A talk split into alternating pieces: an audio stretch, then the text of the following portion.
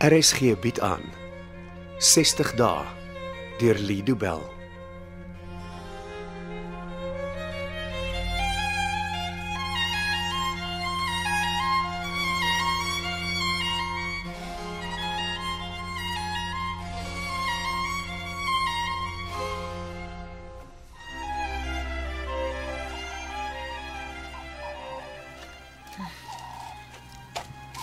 Vandag rustig in die sentrum se tuine. né? As jy nie hier was vir behandeling nie, sou dit soos 'n vakansie gevoel het. ek dink dis braaf van jou om dit te doen. Ja, staan nie meer opsies is nie. Doen jy maar wat gedoen moet word. In 'n plek soos die is elke dag anders. Goed of sleg. Eh, Is vandag 'n goeie dag? Voel asof ek gister 'n vreeslike hoë berg moes uitklim en vandag moet ek dit weer doen en môre ook en die dag daarna eh, en so gaan dit aan. Ja, ten minste gee hierdie sentrum vir jou al die hulp wat jy nodig het. Ja, daaroor kan ek nie kla nie. Is daar 'n plek waar ons kan sit? Ons moet behoorlik gesels. Eh, Hier by die fonteintjie is daar 'n bank. Die bank is gemaklik, ek kan maar sit. Dankie, en jy's reg. Hm, Die tuin is wonderlik. Op 'n manier kalmeer. Richard. Hoekom het jy nie vir my vertel van Essie wat weggeloop het nie? Dokter Loos het aanbeveel dat ek dit nie doen nie. As Magda in die vervolg so 'n aanbeveling maak oor my kind, dan ignoreer jy dit asseblief. Goed so. Vertel my alles wat jy weet oor Essie. Sy het haar laaste eksamen geskryf en verdwyn. Eh, Dennis is op haar spoor. En ek is baie bly dat Dennis die saak hanteer. Hy is die beste. Ek vertrou hom met al my delikate sake. En wat het hy al uitgevind? Sy en Davie is paternoster toe na hulle vakansiehuis. Ek Kan nie glo sy het 'n kerel gehad waarvan ek niks geweet het nie. Davie se pa het hulle in paternoster gevind voor Dennis daar kon kom en hy het Davie saam met hom huis toe geneem. En Essie? Hulle het haar daar gelos. Op haar eie. Blykbaar is sy het geryloop en 'n geleentheid Kaap toe gekry. Die laaste wat ons weet is dat sy in die middestad iewers afgelaai is. Ag, Essie. My arme Essie. Dennis sal haar gou vind en is sy is slim genoeg om haarself nie in 'n gevaarlike situasie te laat beland nie. Ek het goeie nuus oor die saak teen jou. Ek dink ek verdien 'n bietjie goeie nuus. Laat gistermiddag het die aanklaer alle klagtes teen jou teruggetrek. Wat? Die opname wat ons by meneer Meiburg gekry het, het haar laat besef dat sy nou 'n ander persoon moet aankla. Dit was konkrete bewyse van die feit dat jy nie in beheer van jou motor was ten tye van die ongeluk nie. Voel soos 'n droom. As asof alles met iemand anders gebeur. Dit het met jou gebeur en jy was baie braaf om op te tree soos jy gedoen het. Braaf. Voor jy geweet het wat Johan gedoen het, het jy volle verantwoordelikheid aanvaar. Al was dit nooit jou skuld gewees nie. Wel op 'n manier was dit my skuld. Nee, Susan, met alle respek, jy dra geen blame in hierdie saak nie. Wel nie volgens die wet nie, maar ek was die een wat Johan kwaad gemaak het. Ek moet deels verantwoordelikheid aanvaar. Johan het homself soos 'n boelie en 'n boef gedra. Hy sal gestraf word. In sulke sake is die wet duidelik. Arme Johan. Jy mag nie jammer voel vir so 'n lae lak wat jou terwyl jy bewusteloos was uit jou sitplek gelig het en agter die stuurwiel ingedruk het nie. Kan ons oor iets anders gesels asseblief? Ek, ek wil nie meer aan daai nag of daai man dink nie. Jy hoef nie meer hier te wees nie. Die hofbevel wat dit as 'n voorwaarde vir jou borg geëis het, is nou ongeldig verklaar. Ek kan nie oor so iets 'n vinnige besluit maak nie. Is jy bang dat jy ehm um, dat jy miskien weer sal wil drink as jy hier weg is? Ja, Ek dink jy het bewys dat jy sterk genoeg is om daarsonder te leef. wel jy het baie vertroue in my deursettingsvermoë. Ek het meer as genoeg bewyse van hoe geestelik sterk jy is Ek sal eers met Magda moet gesels. om met jou dokter te praat oor die beste pad vorentoe is nie 'n slegte idee nie. Sy gaan wil hê ek moet bly. En jy? Wat wil jy hê? Soos ek nou voel, stem ek met haar saam. Ek, ek dink nie ek is al gereed om skoon die wêreld in te gaan nie, Richard. Wel, hoor eers wat sê dokter Loos en dan neem jy 'n besluit. Skielik is daar baie goed waaroor ek besluite sal moet neem. Soos? My toekoms, my lewe, ek sal mooi moet dink oor elke deel van my lewe. Hoe dit was en hoe dit nou sal wees. Ek glo die belangrikste van alles is dat jy van die drankduiwel ontslae moet raak. Weet jy, dis my snaaks dat die ding wat my toegelaat het om te funksioneer, skielik die ding geword het wat my in my spore stop. Selfs al dink ek net daaraan om dit weer te gebruik. Jy het baie redes om nooit weer te begin drink nie, né?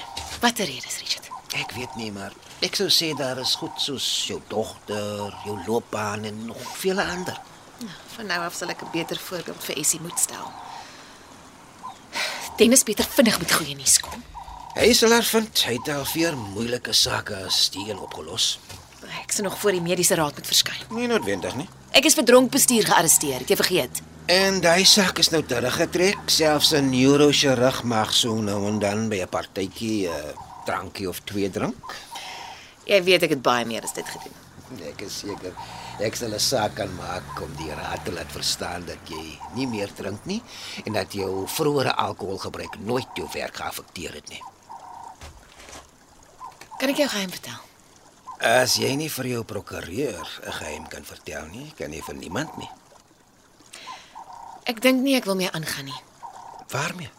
Chirurgie Jy is een van die bestes in die wêreld. en een van die ongelukkigstes. Susan, Dis die waarheid, Richard.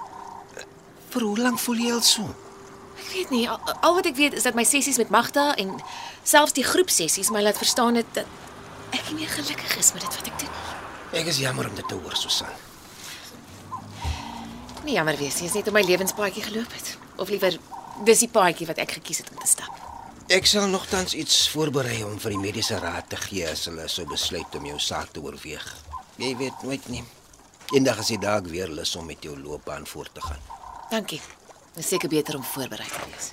So gepraat van nie onkant gevang word nie. eh, Wat van jou en Karl? My man het my situasie uitgebuit om sy hande op al my geld te kry. Ek twyfel daar's enigiets oor in enige van my bank en spaarrekeninge. En teen die tyd is elke aandeel in my portefeulje reeds verkoop. Ek moet jou vra, eh, wil jy voortgaan met die skei saak? Ja, Richard. Al loop ek sonder 'n sent uit ons huwelik uit, kan ek eenvoudig nie meer met daai limmel van 'n man opgeskep sit nie. Sal ons wag tot jy besluit het uh, of jy jou behandeling by Nova Sentrum sal voltooi voor ek die dokumente optrek? Nee, doen dit nou. Doen dit so gou as moontlik asseblief. Hy sal wel hof toe gaan. Vir wat? Essie word volgende jaar 18. Hy mag dalk 'n finansiële skikking soek. Ek betaal hom nie 'n dooie sent nie. As hy dit wil doen, sal ek dit duidelik stel dat al sy finansiële rekords voor die hof geplaas moet word. Karl het nog nooit 'n skei saak hanteer nie. Maar hy sal nie wil hê dat almal van sy finansies weet nie. Ek sal dit kan gebruik. Dennis het reeds 'n man wat Karl agtervolg. Hoekom?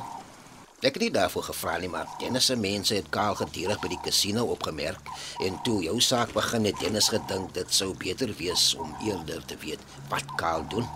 En wat het hy wys geword? Hy vermoed dat Kaal erg dobbel. Hy is desperaat. As hy by die tafel sit en groter risiko's neem as wat hy kan bekostig om te verloor, En nou dobbel hy met my geld. Al my jare van spaar en versigtig my geld belê is in 'n oogwink weggedobbel. wel my advies is dat ons dadelik 'n hofbevel kry om Kaal te stop om beheer oor jou rekening uit te oefen. Kaal se hele wêreld sak in een as jy sy finansies afsny. Hy gaan desperaat word. Dis nie langer jou probleem nie, Susan. As Dennis net vir Essie kan kry.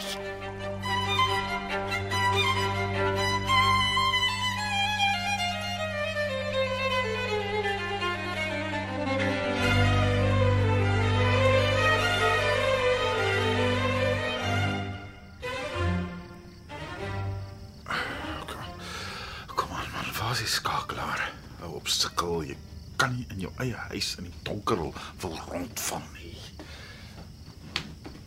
Ah, ja, ja, is beter.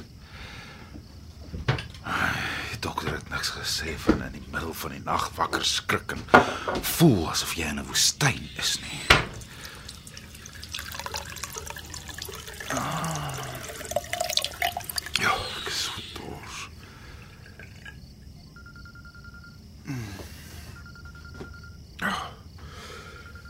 Wie bel die tyd van die nag?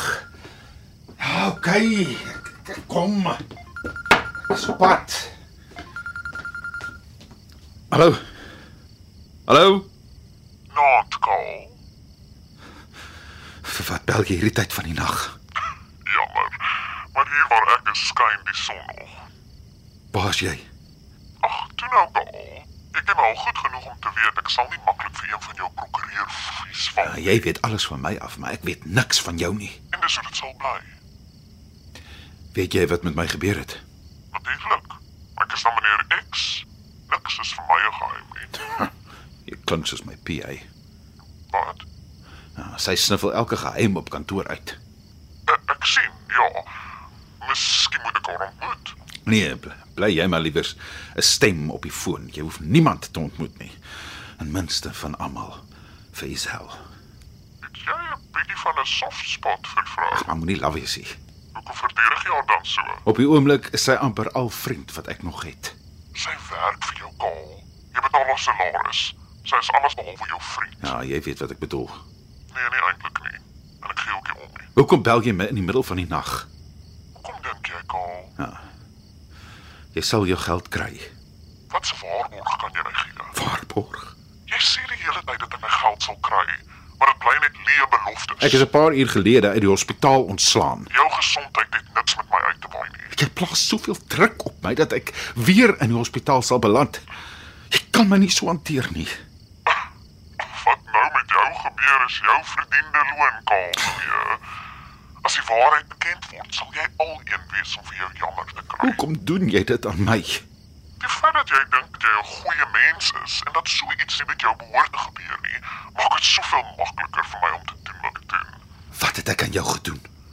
Miskien moet jy vra wat jy nie vir my gedoen het nie. Ek verstaan nie. Daar is mense wat nog altyd aan jou kant was, wie jy afgeskryf of ignoreer het. Dink aan hulle kaal. Ek probeer. Maar Kaal? Kaal? Wat gaan aan? oh, dit was maklik. Van nou af as jy dink jy hierdie oorhand neer ek sal my hart skielik weer ophou klop. Wie ook al jy is en wat ook al jy gedink het, jy van my weet. Jy sal my nooit kan uitoorlê nie. Dit was 60 dae deur Lido Bell. Die spelers is Frida van den Heever as Susan, Stean Pam as Karl, Renay Klute as Tanya, Charlton George as Richard, Chloe van Rooyen as Lauren, Cole Wessels as Dennis, Ronel Geldenhuys as Magda, Eugenie Wiggins as Betty, Relien Daniel as Essie, Johan Nel as Meiburg, Adrian Havenga as Johan en Hannah Bothwick as Isel. Cassie Lauers behartig die tegniese versorging en dit word in Kaapstad opgevoer onder regie van Anri Gerbst.